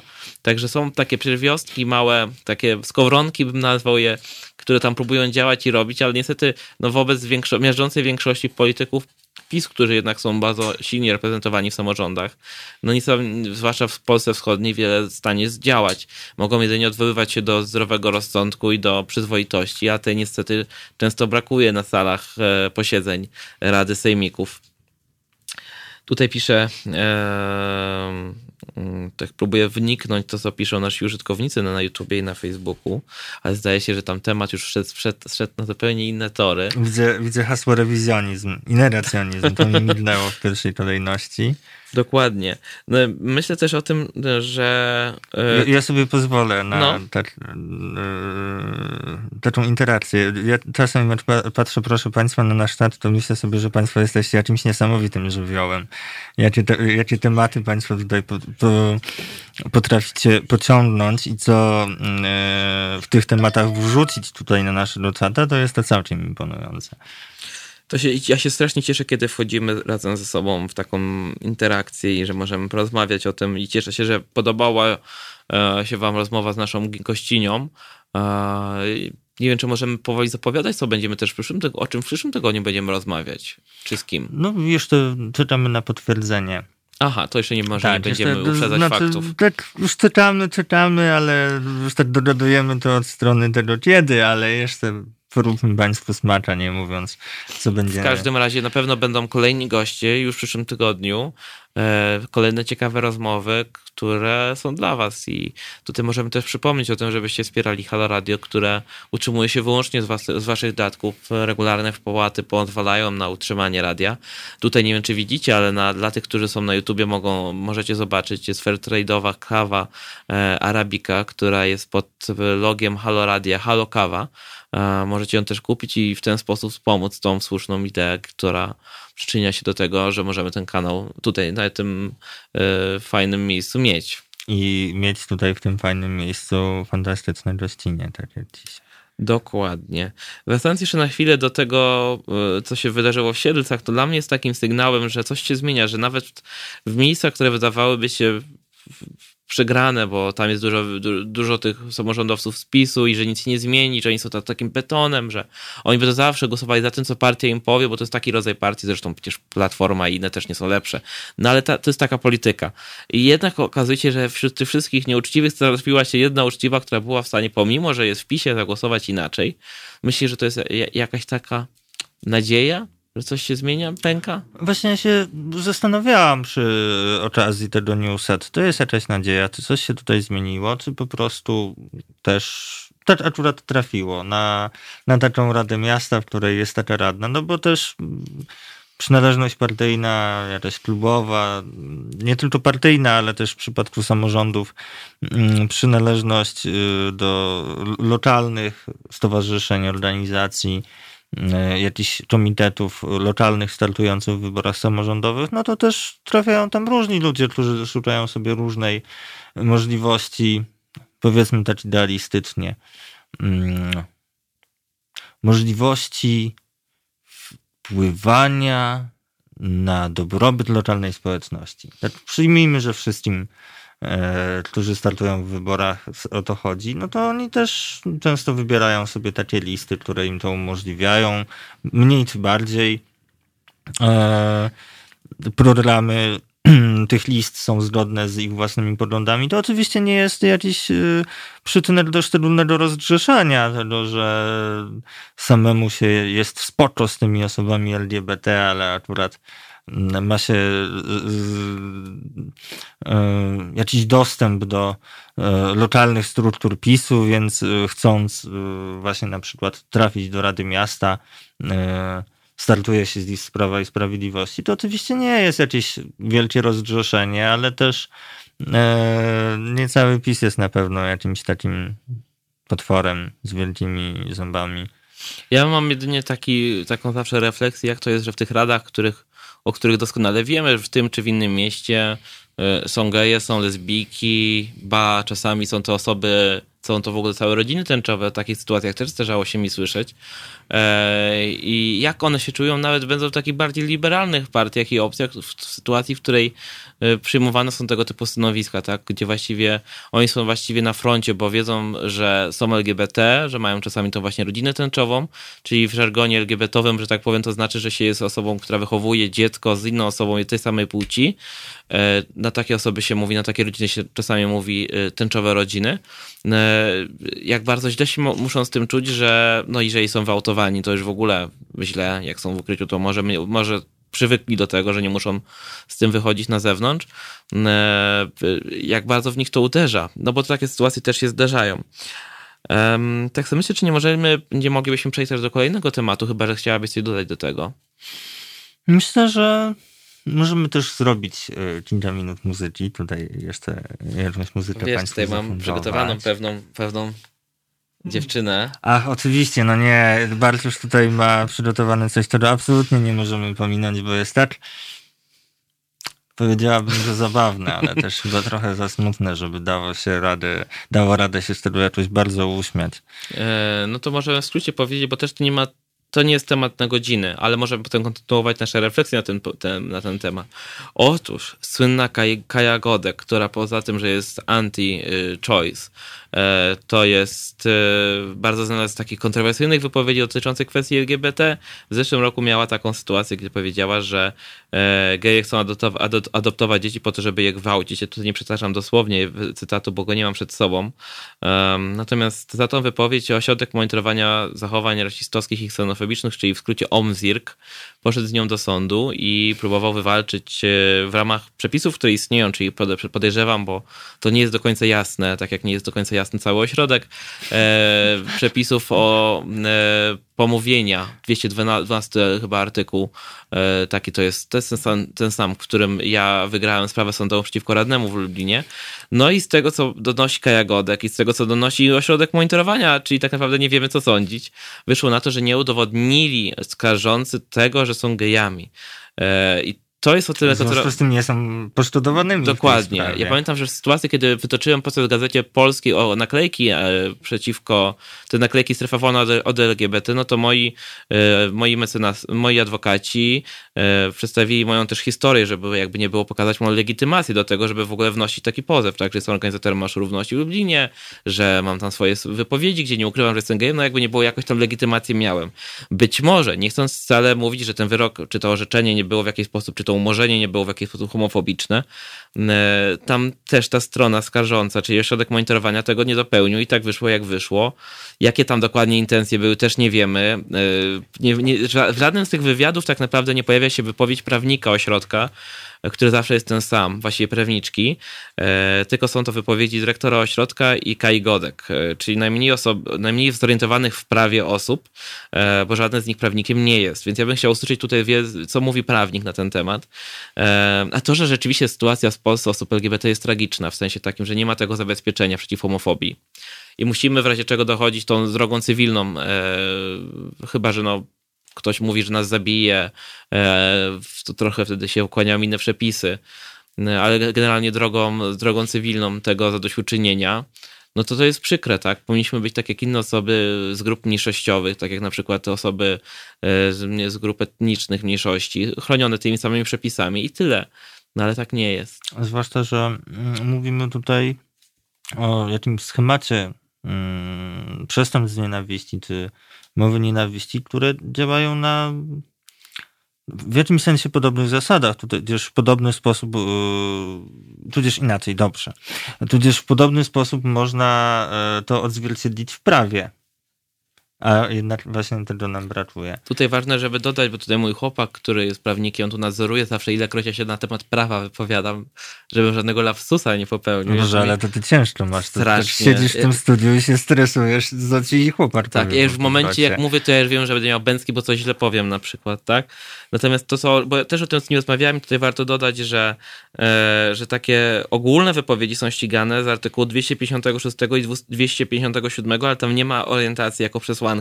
To jest właśnie mowa o tej ochronie mniejszości. Z drugiej strony, e, ja widzę duże ryzyko w wytaczaniu procesów o to, co o, o, przepisy bieżące. W, w tym przypadku, y, kiedy na przykład Jędraszewski mówi o tym, że tęczowa zaraza, czy właśnie Kaja Godek biorą dzieci, żeby je adoptować i gwałcić. Problem jest o tyle, że jeżeli taki bardzo prawdopodobne w takich sytuacjach jest to, że taki proces zostaje przegrany, to umacnia homofobów w przekazie, no przecież szanowni państwo, ja wygrałam proces albo wygrałem, mnie, ja mogę tak mówić, więc y, to jest ten problem, kiedy wytaczamy proces o wątłych podstawach w tym obecnej formie. Nie, nie dlatego y, przegrywamy go, bo nie mamy racji, ani dlatego, że to jest moralne, co oni robią, tylko dlatego, że mamy takie nędzne przepisy w tym momencie, które nas nie chronią. I tutaj e, słuszna uwaga tego mojego chłopaka jest taka, że oni, e, nie ma znaczenia, czy oni byli gejami, czy nie. Chodzi tylko o to, że, ge, że Godek nie mówi o konkretnych osobach, a te jako takie nie podchodzą pod żadną ochronę. I tylko tyle. Więc ta taka troszkę wiralowa opowieść, którą zrobiła Kaja Godek i którą podchwycił ośrodek, który też jest znany z tworzenia wiralowych, niekoniecznie opartych na faktach wypowiedzi. E, po prostu jedni poszli i drudzy poszli w viral i wszyscy teraz myślą, że e, w sądzie to trzeba jakoś udowadniać, że się jest gejem. A to troszkę nie o to chodziło i tu ten przekaz w tym momencie poszedł zupełnie nie tą stronę, co trzeba. Ale też właśnie powstało dużo kontentu, mówiąc językiem. Oj tak. A, A propos tego, jak można by udowodnić, że jest się gejem, kto w ogóle wydaje na to papiery. znaczy tak. Z drugiej strony sobie myślę... E, że no, no, że no, no, no, dużo kontentu powstało, ale trochę jest tak krzywda dla sprawy w tym momencie, no bo, bo to samo chyba dwa dni temu albo dzień temu Jędrzejewskiego kolejną sprawę znowu umorzono tą tęczową zarazę słynną, bo to wraca i tam mnóstwo osób pozwało go za to. E, ale fakty zostają takie, że no, za bardzo nie da się wyciągnąć z obecnych przepisów, żeby w jego przypadku e, go o coś oskarżyć i przegrywanie przez niego, przez nas kolejnych procesów będzie tylko działało na naszą niekorzyść, po prostu. Bo ludziom będzie się wydawało, że to skoro przegrany proces, to znaczy, że tak można mówić. I taki nawet symboliczny wymiar aktu, jak pójście do sądu, straci w końcu. No dokładnie, ja to zauważyłem po, tym swoim, po tych swoich procesach, bo ktoś mi powiedział jakiś czas temu, no ale Bartek, twoje, twoje procesy też nie były do końca do wygrania. No ale się zanim je wytoczyłem, skonsultowałem się z milionem prawników, w tym z moim chłopakiem e, i jak przeanalizowaliśmy ten proces, te sytuacje, które, mia, które mia, którymi miałem do czynienia, to rzeczywiście wyszło nam, że rzeczywiście możemy zaryzykować ten proces, że jest szansa, że go wygramy po prostu, tak? Jest ta szansa. A w, te, w przypadku, kiedy nie ma żadnego orzeczenia podobnego, które mogłoby wskazywać, że to, to ten proces jest do wygrania, to te straty symboliczne w związku z tym, że proces będzie przegrany, mogą być no, niepowetowane. I, I tak po prostu bym zakończył tę dyskusję o procesach. Wcale nikogo nie zniechęcając, bo warto chodzić do, do sądów i walczyć o swoje prawa, co nieraz sądy udowadniają i pokazują, że nawet w sprawach, które wydają się czasami przegrane, no to, to czasami, no tutaj tak na dwoje babka wróżyła, tak, ale odwołuje się do rozsądku. Proszę Państwa, to tak żeby jakoś tak... Mm, Jakiś nie, utwór przy... sądowy może teraz. Utwór to ja już tutaj mam do zapowiedzenia, ale chcę też Państwu zapowiedzieć, że postaramy się na jakieś takie zbalansowanie, znaleźć jeszcze może miły temat na ostatnie 10 minut.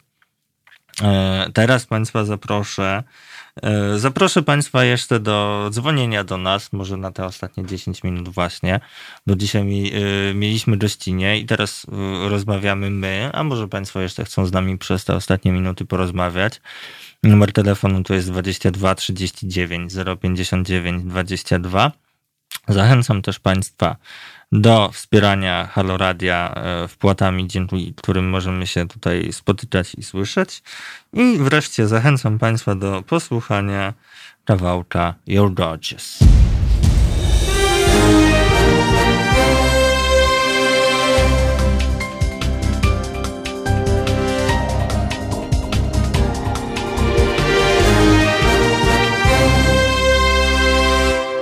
Wracamy do Państwa na ostatnie 10 minut. Właśnie tutaj tak e, sobie przypominamy, z, z czym tu mamy do Państwa wrócić i że jestem śmiłym bardzo tutaj rzucił, a tą złą stronę mam, to ja nie wiem, jakie tam smutne strony, złe. No tak właśnie, miałem tą stronę otwartą, bo wszystko to, znaczy w kwestiach LGBT nie dzieje się zbyt wiele pozytywnego. E, ciężko zauważyć coś, zwłaszcza w Polsce, żeby tam się działo coś pozytywnego. No już nie wspomnę o tej sytuacji, bo teraz sobie już przypomniałem od razu sytuację z panią od HR-ów z Ikei, która została tam pozwana, czy na przykład e, panią e, Hołownią, która nie zna par jednopłciowych, które by chciały wziąć małżeństwo, stąd też nie widzi potrzeby, żeby im takie prawo dawać. I to też w ogóle wybuchło w internecie. Ale cóż, chyba, że ty masz jakiś ciekawy temat, który moglibyśmy poruszyć, a nie jest czymś strasznie negatywnym ciszę słyszę, czyli nie ma takich. Myślę. myślę. to się mocno zastanowić. Chyba, że rzeczywiście, e, że będziemy rozmawiali o, o pani e, Hołowni, która takich parę nie zna, to było to wybuchło przecież w mhm. internecie straszną bombą. E, troszkę wydaje mi się tyle niesprawiedliwą, czy sprawiedliwą, no bo co? Może dla tych, który, którzy nie wiedzą, pani Hołownia, która jest pilotką, myśliwca, w dodatku dodajmy, też nie, dosyć nietypowe, tak trochę ironizując, e, która jest prywatnie żoną e, Szymona Hołowni, stwierdziła w wywiadzie dla Wyborczej, że e, krótko mówiąc nie zna takich par, które chciałyby wziąć ślub, e, więc nie za bardzo ma też na ten temat wyrobioną opinię i generalnie nie widzi potrzeby, żeby im tę, możliwość dawać. E, jeżeli się mylę, w sensie jeżeli powiedziała troszkę inaczej, to przepraszam, bo cytuję z pamięci, e, ale tak oddaję myśl tego, co powiedziała. Więc i wybuchło w internecie bomba, no bo kandydat e, Hołownia jest też głównym kontrkandydatem dla Trzaskowskiego, więc wyborczego grilluje ostro. Tutaj nie ma złudzeń co do tego. E, I tak na przykład Trzaskowskiemu też zdarzają się takie w ostatnich dniach wypowiedzi dosyć kontrowersyjne, ale o nich już takiego grilla nie widzimy. Tak na przykład ten, ta, ta sytuacja była e, no, mocno odebrana w necie. Mnóstwo ludzi teraz pisało, nie wiem czy e, widziałaś Emilia, e, par, które chcą wziąć ślub w przyszłości i pisząc e, jestem LGBT, poznajemy się zapraszając e, hołowniową do siebie do domu na obiad lub na kolację. No to też y, Krzysztof Smiszek. Y, tak, naprawdę? Tak, tak. Ja, nie pamiętam już jak tam dokładnie, ale pamiętam, że się odniósł do do tej wypowiedzi. No.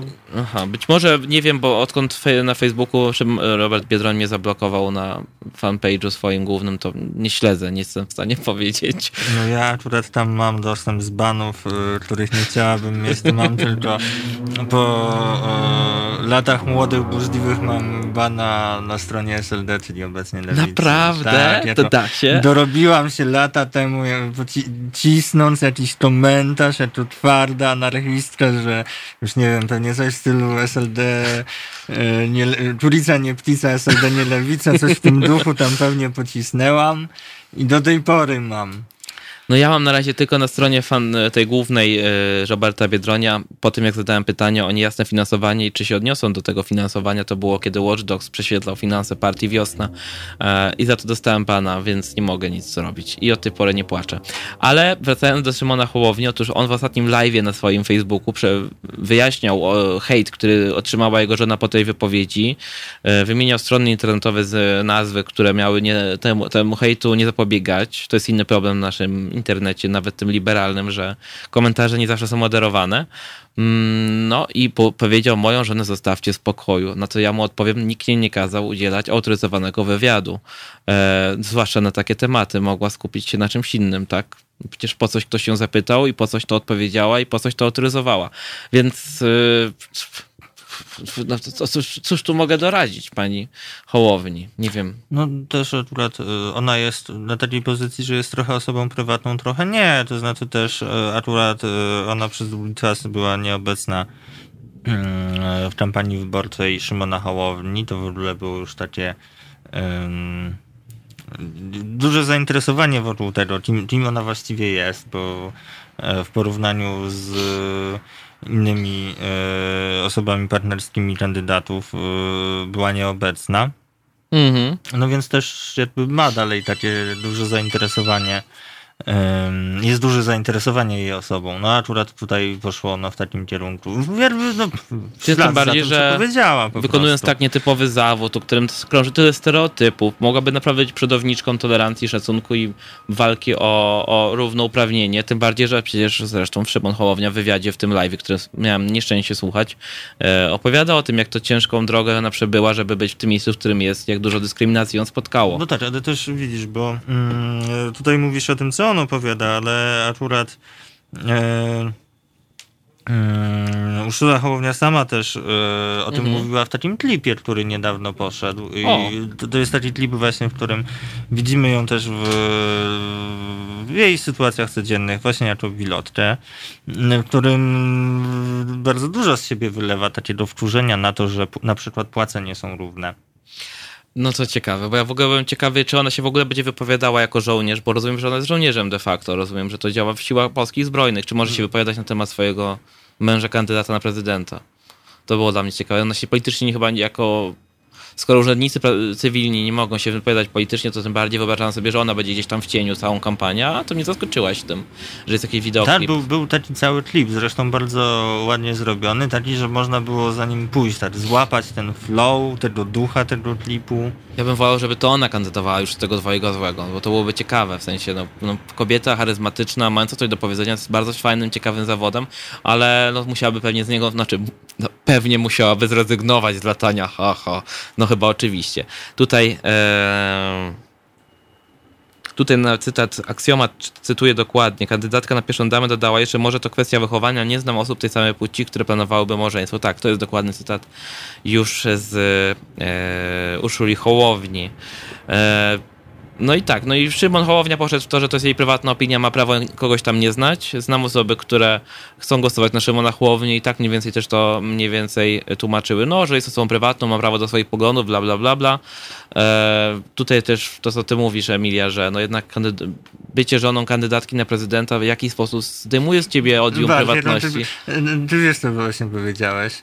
Nie. Napisałeś właśnie mm, piękną rzeczywistość, o, w której jest żona kandydatki na prezydenta. O Jezu, za dużo, za dużo. To jest Myślenie życzeniowe, podzielam je. taka sytuacja jest możliwa w Serbii, gdzie rzeczywiście premierem jest, premierką jest e, kobieta lesbijka otwarcie żyjąca w związku z inną kobietą, mającą dziecko.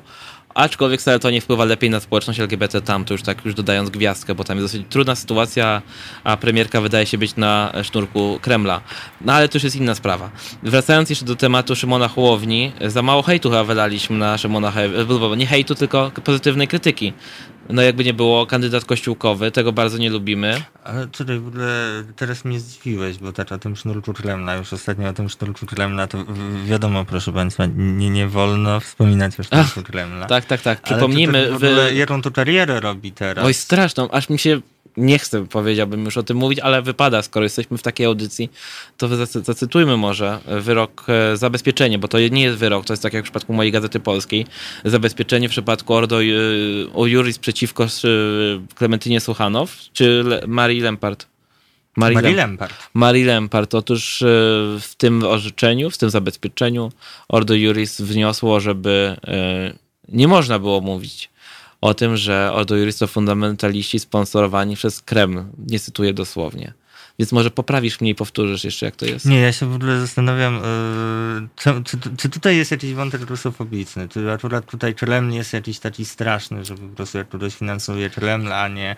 Yy, no czy też nie zastanawiam się sama z siebie, bo... Jestem ciekaw, czy Ordo Juris wyjawi swoje w takim razie wszystkie finansowania i pokaże, że nie ma ani jednej osoby, która ma przynajmniej rosyjsko brzmiące nazwisko. Nie, no Bart, proszę. Może niech pokaże. E, Równie dobrze można by pytać o jakieś fundamentalistyczne powiązania w Stanach Zjednoczonych. No, No. właśnie mnie to tak zastanawia. Czemu jakoś tutaj tak takie wielkie poruszenie się zrobiło wokół tego, że miałby być tutaj Kreml? No, mi się wydaje, że to jest bardzo proste, w sensie cały czas się mówi o tej agenturze wpływów Rosji na Polskę i że właściwie jesteśmy ostatnim państwem Europy, które zabezpiecza całą Europę zachodnią od, e, od Rosji. No raczej to jest z tym związane, no i to jest, e, to chyba pokutuje od lat myślenie o tym, co się dzieje w Rosji, że jesteśmy pod wpływem rosyjskich wpływów i że Amber Gold też było z inspiracji rosyjskiego wywiadu. Nie, nie wiem, czy słyszałeś akurat tego typu przypuszczenia. Nie, akurat to mnie jakoś tak... Działa na ciebie to? Zauważam, że czasem sama do tego podchodzę, jak myślę, zbyt przez, w zbyt przezroczysty sposób. To znaczy, uznając, że w haśle Kreml chodzi o Kreml, a nie o Rosję jako taką. A, w ten sposób. Tak. Ja tylko dodam, przepraszam, mam dzwonek na komórce, którego nie umiem wyłączyć, więc on co jakiś czas się włącza. Postaram się z tym zrobić porządek już na następną audycję. Jak tylko wracając do Szymona Hołowni, bo uważam, że warto, znaczy jest moją obligacją, żeby wspomnieć, że jest to kandydat kościoła katolickiego, w moim mniemaniu oczywiście subiektywnym, więc o tym muszę wspomnieć, skoro mówiliśmy już tyle o, o, żonie Hołowni, to wspomnijmy o tym, że Szymon Hołownia e, jest przeciwko małżeństwom jednopłciowym, dałby być może związki partnerskie, jest przeciwko nowelizacji e, ustawy aborcyjnej, ustawy aborcyjnej, dobrze mówię? Antyaborcyjnej. Antyaborcyjnej. Jest, to, jest ona zdecydowanie antyaborcyjna. E, I generalnie e, w niewielu aspektach różni się od Dudy. Być może byłby bardziej niezależny, ale ciężko o tym powiedzieć, jeżeli ktoś nie spisał się do tej pory w jakiejkolwiek funkcji administracji rządowej czy samorządowej, bo jest e, człowiekiem celebrytą, showmanem, więc Nie no, różni to się różni, ale to jeszcze nie jest jakaś taka wielka zaleta tak. sama z siebie. No, po, poza tym, że jest. Em, więc to tyle, jeżeli chodzi o Szymona Hołownię. Czy mamy jeszcze czas? No chyba to już nie bardzo. Myślę, że to jest też już e, ten moment, żeby powoli się z Państwem na dzisiaj żegnać. I też, tak, tak, tutaj widzę, widzę bardzo potakiwanie, że tak mamy się żegnać. Ja tylko jeszcze Państwa e, pragnę zaprosić do zostania na antenie Halo Radia, a teraz, kiedy my się z niej wynosimy, e, za chwilę Joanna Frejus będzie e, rozmawiać ze swoją gościnią e, Kamilą Raczyńską-Homyn. Będzie rozmawiać o shamingu. O, e, bardzo ciekawy temat. O tym, jakie ciało to dobre ciało, więc zostańcie Państwo tutaj na antenie Haloradia. Zapraszamy do następnej audycji. A my za dzisiejszą dziękujemy i słyszymy się tu z Państwem za tydzień. I będą też następni goście. Bardzo dziękujemy za dzisiaj.